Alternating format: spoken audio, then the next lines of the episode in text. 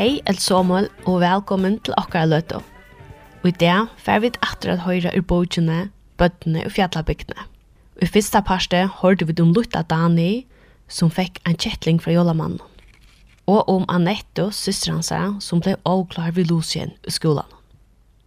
Føringardavren til Annette var i mars, og Dani var langt og ferdig hos om han flere viker åren, tog fólki gledde Dani meira enn at geva gavur.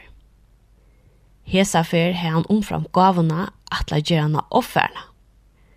Purlota høver hans her var fullt av hosgodun. Så skjøtt han etter var for en skola, sier Dani ommesunne fra atlansunne. Hon sæt ut i alt hanne og hakka i hia sølger til sopanna, ta luttle sonarsjoner hennara kom inn til hanna og lei alboa skynar nyr og knø hennara.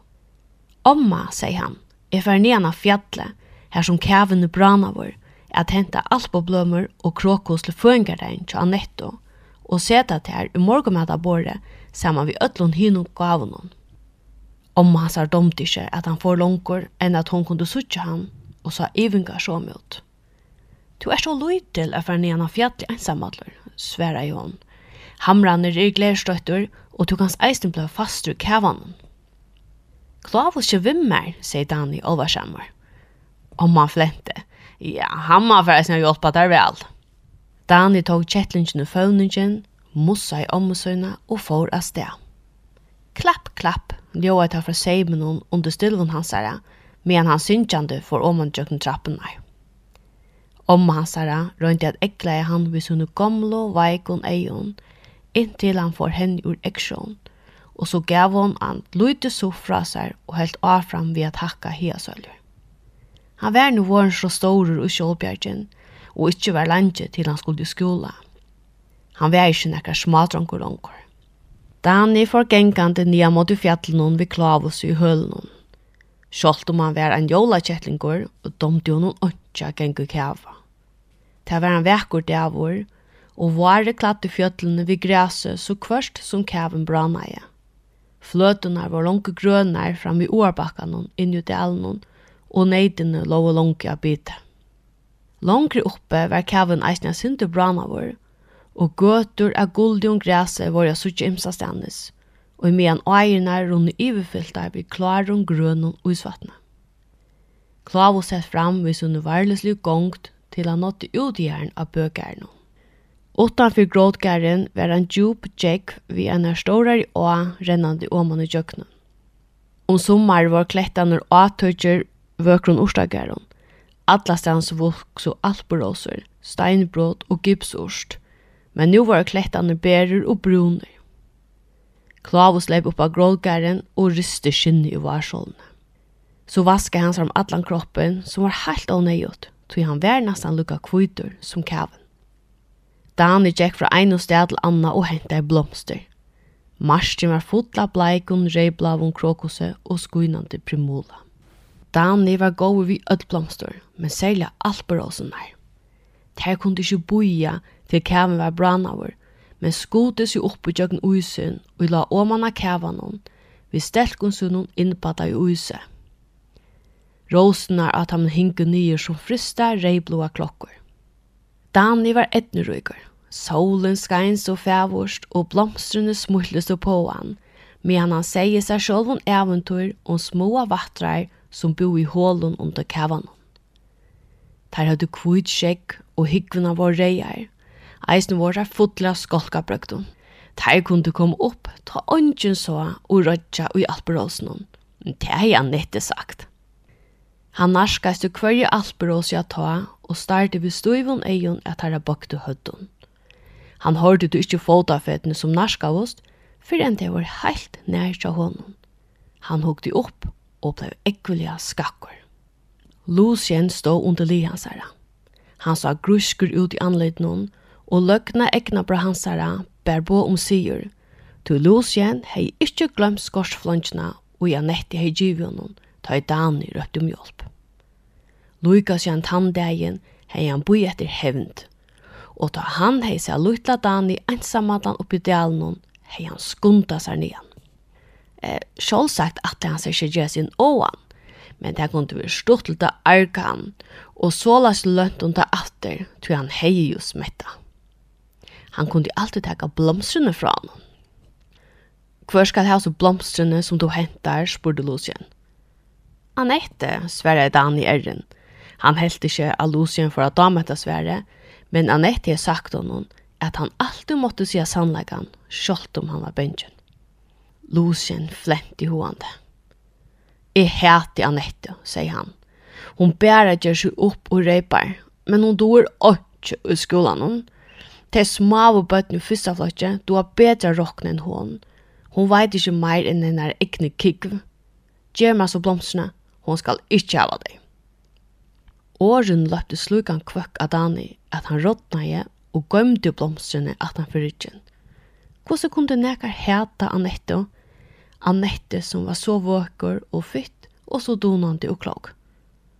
Du kan ikke få deg, sier Dani, og helt fast om deg ved små av hånden.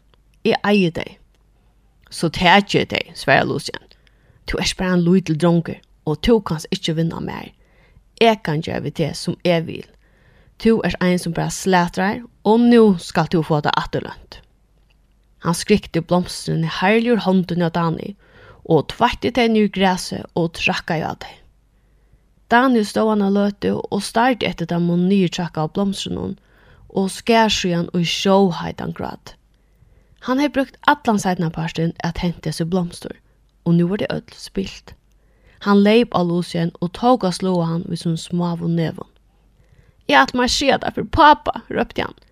Jeg var beint nu heim og sy hun det, og så kommer han heim til tykkar og han boka det. Du var sånn jote dronker.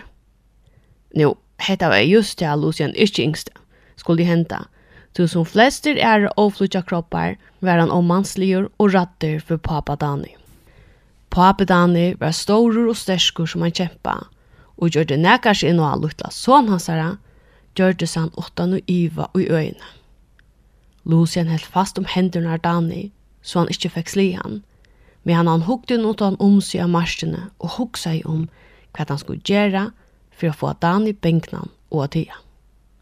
Fekk han eia klavos som såle seg i gråtgærnen. Ta fekk han eit hosgått. Han skikva i Dani fra seg og skunda seg om han måtte gjønne.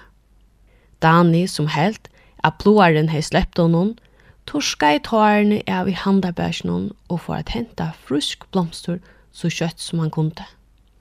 Hos Lucien hei tarne honom, måtte Annette ha vært vekkors pynta føringaraksbår. Allt i einon hørtes røtten til Lucien runka etter vødlen. Dani hukte oppi det samme, og til han sa, gjør det at han enn løta kjente seg heilt sjukan. Lucien stod ved grådgæren og helt i nakkaskinni av klavuset vi utrattum armen, uti ut av myrsku avgrundna, og doner for at du står i ånne at du brann av usnum. Kjem du ikke her på en av veien og lovar at du ikke slæter for pappa til noen, røpte Lucien, så tveit jeg kjettlingen til deg i ånda. Daniel rann alt til han var mentor og skinkla i blinter om kava fannar. Han ristes ytla beinon og fekk du ikke runde så kjøtt. Hoksanen om at Klavus hjelparsleiser skulle være førte borster ved du struja streimen fyllti han ved sluka rasslo, at han gjørtes heilt torr i munnen og fekk ikkje røpt. Han visste best at han måtte komme her og teka kjettlingen ur håndene og at de ønta drøntgen for aldrin å slippe hon natter. Nå, la det være sagt her ved byrjane av hvis du søver at Lucien omgatt i atlai å slippe Klavus. Han var en forheringur og ytla grundaur, men han var ikkje nekka droppsmavur. Men Klavus var ikkje vanlig vi over hilden i nakkaskinnen og fortsett å spjolka. Da han ikkje slapp leisur, spjolka han enn herare, og da han til seina stjørstes ålaten, gjørte han til som han ångad i overhøy gjørst. Han lytte framlappanar og klåra i Lucien. Lucien, som stod og hukte av Dani, som kom skinklande, blei så klakkur at han miste kjettlingen.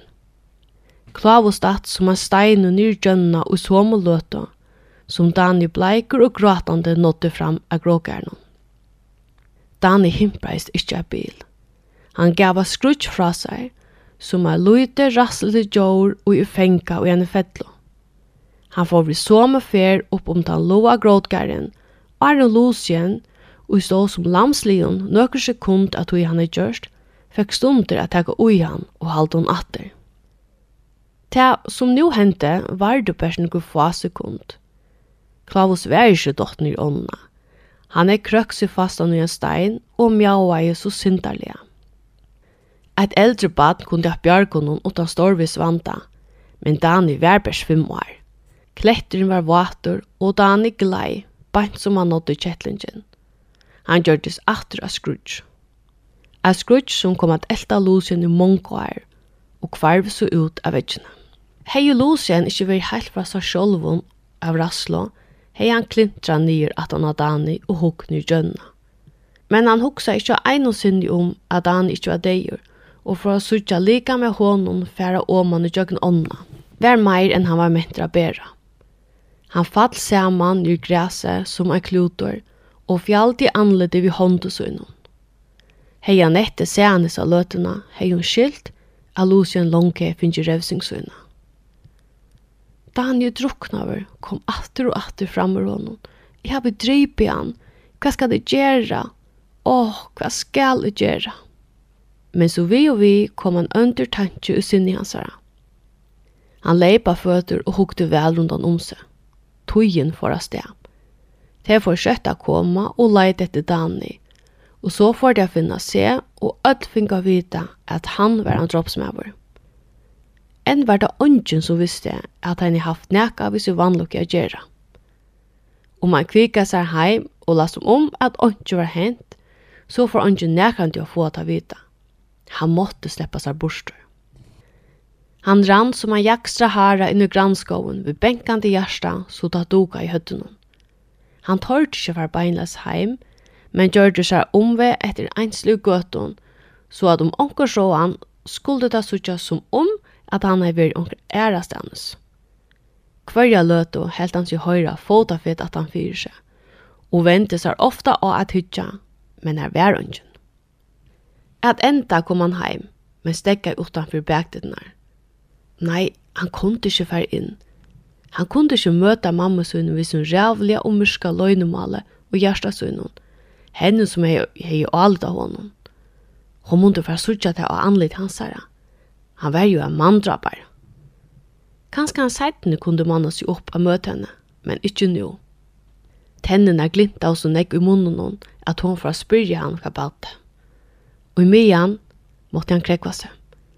Han hukte ut han om seg for å finne sted og fikk eia stian som stod oppe vid uthusen her som hodje var gøymt av loftunum i fjósunum.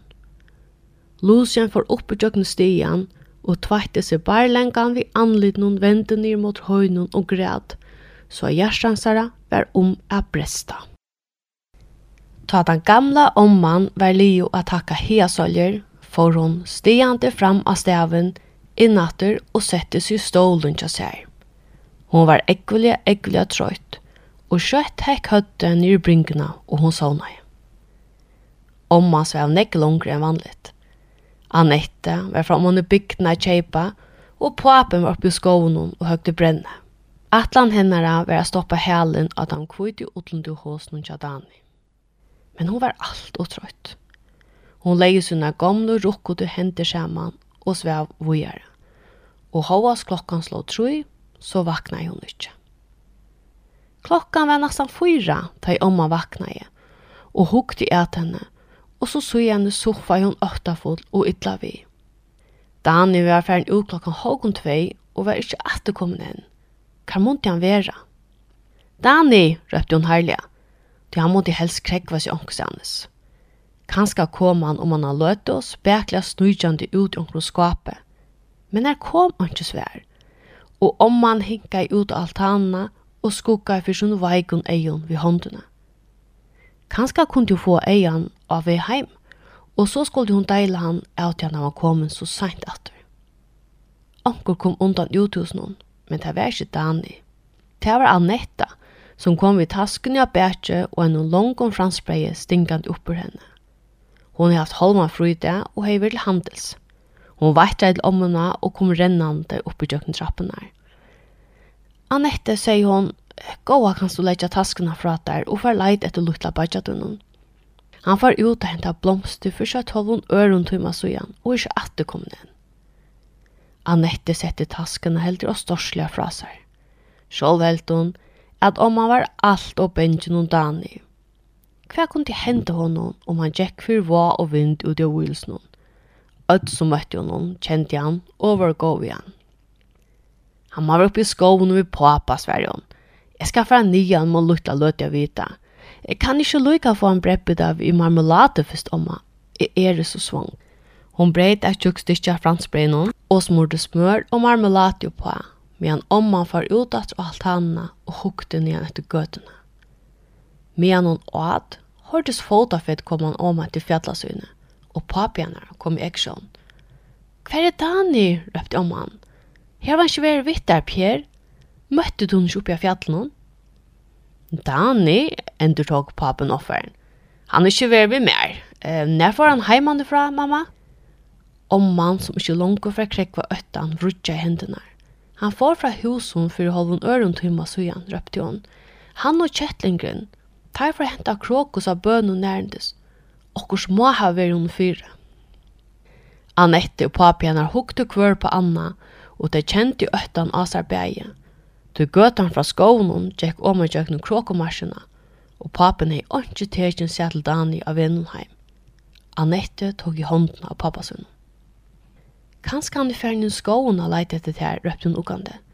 Lætt dere for å leite etter honom. Klavos er med over det omkrestanes tatt vi. Og så gjør vi til han, og så vet vi hvem vi er Dani i ferden. Klavos er damer seg genga lenga turer. Det fylltes ni at i og måtte skåen. Tøkken vi her med etter Jinko. Du papen var bensk for å si at det, som han hoksa i. Var i heisuna vantar vi ser fjallen og sveis. Oarlåp og skalvalåp, og Dani var best en lydel smadronger. Om man så var ensamhet etter for inna bya. Som hon be, sa hon en annan mynd for seg. Jo minni omma sa vi sunn og i eion, tess meira sa hon i sinnenon. Hesa fyr kom fram fyrir hana eina mynd av hana myrskun skove við fossande streimon og illgongdun gøtum som var avbyrdar við skalaloppe. Etter hese gøtene får Dani rennande við fotlun kneppi av krokose, og við lina honum gekk en angel við kvitum vantjun og i skuggan av vantjon hans her var luft, hiti og trygt. Engla tar i himle, sutja alltid anlit færsmun som er himle, teska i omman, og og raste seg opp av knøven, fotla frie og farge notra. Enn var ungen farver av suttje av Dani og Klavus av marsjene, heldur ikke vi gjegaren av granskånen. De leide av atlasans og røpte jo han, men ongen svær hårdest utan atter jovi av dune fra det store ånne. Solen lakka i spekla ny mot fjallatinten og skuggane langtest ut av marsjene. Pape, sier han etter knapplega, Kanskje er han ferdig om at Lucien. Jeg har sett Lucien tåsa vi han enn et tverfer. Jeg renner jo om han til teg av vita. Hun leipa sted opp om kavafannar og etter græsvøtlen hon. Og nådde jo om han til husen Jaffro Morell og minne fem minutter. Begdittene så åpner, og Anette hukte inn. Fru Morell røpte hon, Lucien, er du her? Har du sett Annie? Åtte svær kom. Ånge var inne men lengan vei kunde det ikke være færen, til så er horen ikke steg åpen av vojan vekk. Annette skulle just ta renne ur fjåse, ta hun fikk eia fra Morell som var ved atterlhus. Annette rann imot henne. Fru Morell røpte hun algost og tog i hånden henne. Hev du sena at lukla Dani, han er ved borster landje. Heldig du kanskje han er sammen ved Lucien, og om så er, hver er Lucien? Det kan være, sverar fra Morell heldig rysen. Jeg har bætt noe ved urkjatikken og vite om tid visste hva Lucien var. Hans en dående dronkren skulle være atterkommen for lenger til tusen, og kikken sender og belger, du har ikke mjølka inn. Jeg må gjøre det selv om han ikke kommer, men jeg er borster. Skulle jeg være kommet, så er han ferdig beina lei ur fjøset. Læt dere fer iver av vita. Der fylltes ur fjøset og låte det tunge trehårene opp. Han reia kikkun trampa i og slette vi hela noen. Men her var ikke Lucien og sutja. Fru Morell vente seg ved en soffe og skulle lade horen atter, ta Annette tog i ærmna henne og peika opp etter. Høyr, teska hon. Hva er det for en stån oppi av loften hon? Der stod vi boar og slått av ena løte. Ein kjent histran hordes nyr i kjøkken høyloftet. Og i neste løte var Annette fern oppi kjøkken stian, og fru Morell kom spekla at han og henne. Boar visste at okkurs olvarsamt måtte være avfatt. Annette hugsa best om Dani, medan fru Morell hugsa best om Lucien. Lucien, røpte fru Morell, Neiast onkomun, hva bæger, hva du finnes skøya? Dani, sier Annette etter kvasslega og tok i armen av Lucien og ristu i han. Hver er Dani og hva du tugjast vi han? Kom at du vi honom. Lucian båret seg langt ner høyt og rystes eggoslig av høtten hon. Nu var han helt fra seg selv. Jeg vet ikke hva han er, skrudde han. Ta vær ikke min skyld. Hva var ikke tunn skyld, skrudde han etter atter og ryste igjen her og igjen. Hva er han? Du varsta, du løyer. Fru Morell, fa han av seg sannlagan. Fru Morell førska han etter til Viks og bøkte seg nye ved lien av Lucien. Han var kvidr i anledningen og nå helt hon seg eisne vita at okkurs måtte ha hent Dani og at Lucien visste om det. Hon lytt i høtt i ånen oppur høynen og vendi anlitt i hans herre mot seg. Lucien, sier hon i en krevjande tonaleie, samstundet som hon rønte at tala sinneslige. Sita beina veien, hver er Dani? Lucien starte som et vilt på henne, men sa seg onka mølega å slippe undan. Han er, han, han er deijur, kom stamant ut ur honom, og han båre høtten i høtje og får atra gråta.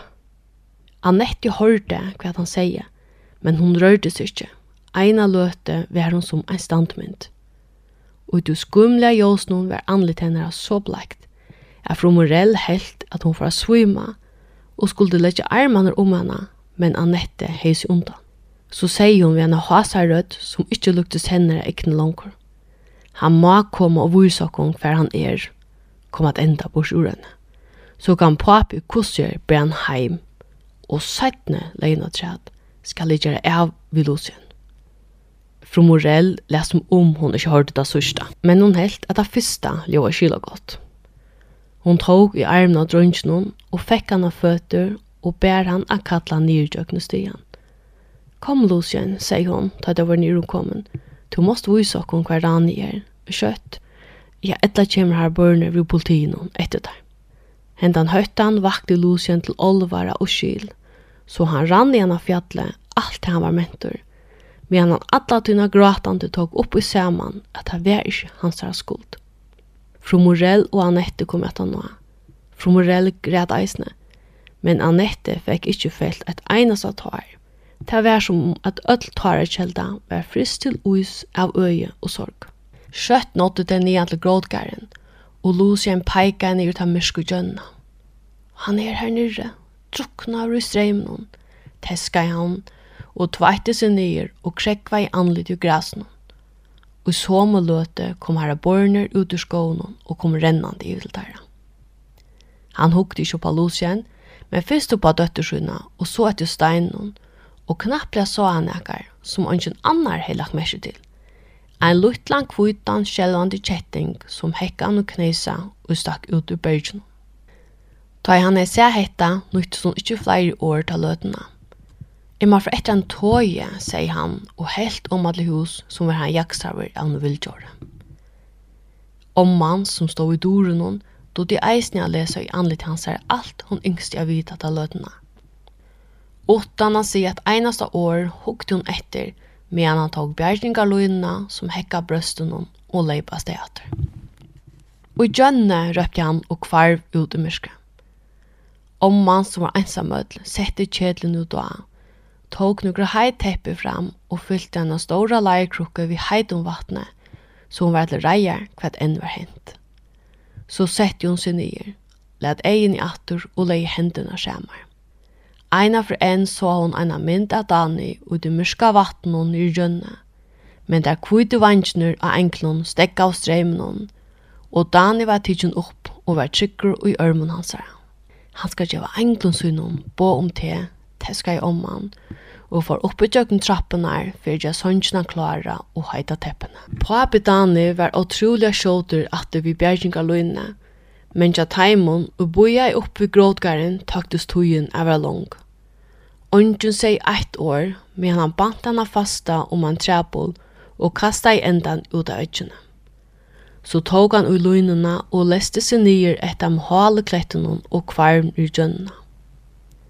Som han hekkar luftene, hatt han seg hitja nyer utan frøyande streimen, som utan iva hei tidsi badna sær.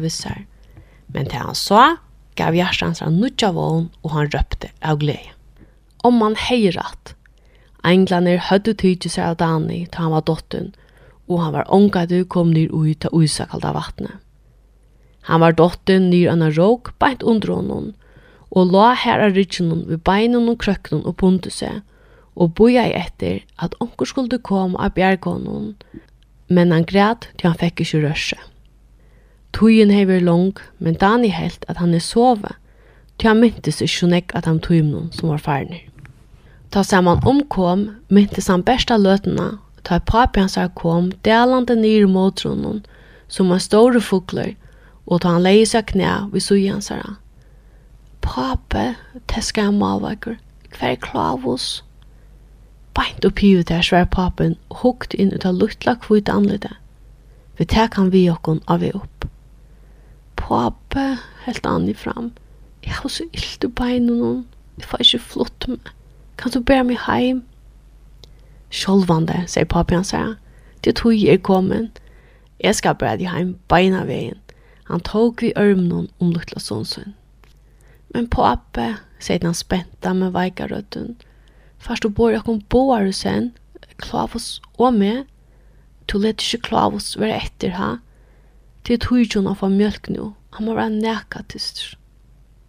Klavus kan jeg heve lomman hon, lov jeg papen, og og lytte Dani varløslega opp. Han gramte seg synder, til han fikk ikkvelig ilt i beinet til han var flotter. Men han hukke fastlige opp anlita papanon, og være sånn og så jarver som tilber til han og fem år gamle smadranger. Ferien opp var bei lang og drikv. Papen fikk ikke klintre opp i jøkken løgnene vid Dani og fønningsnån. Han måtte suja seg nil oabakkan og bråta slå fram i ånne, inntil han kom til sted her ikkje var så bratt, og så fekk han komme opp tann vegin. Dani heie, tu bedde kanska, ikkje rettelig vit i atla tujunar, og visste sig ikkje vit om neka, for en papjansara leia nir i græset ved synar av netto. Hev du klavet til lomman noen, spurte Dani, som nu knappla lad ein opp. Jeg får etter nu, svær papen, og leste glujan i gjønna etter bjergingaløyne, for jeg tek at han kvita kjettlingen. Kjøtt var han atter, og Dani rett ut armarnar, og Klavus leis jo føvnersen av honom og spann vel hurdur. Nå brast Annette ut ur av grata for første fyr atla hendan og honalega seidnaparsten. Ta løtte Dani av en frakka, og fra Morell og herra Børner bor han varløslig heim, med Annette kom atan av berande Klavus. Det var en lydelig hotungu flokkur og helt oman etter, men tog var at tæra fotla takse mugleie, tog Dani var alluive og hei eisen tåsa. Ta vær taimon ein nå stor trøst i løtene. Ongen, sjålt ikkje mamma hansara, hugsa om Lucien, som enn la samarringter ur græsnen oppi grålgærnen. Ta han litt i høyden og sa at han var leden einsam alt etter myskenen, kjente han det som hei allar heimeren vent hon og bært og glemt hon. Han reiste og snukte seg heim tjøkken her, og kreip ristandi upp i Ein så einsamur og vesaligur lítil drongur hevur neivan gyngjer av folk.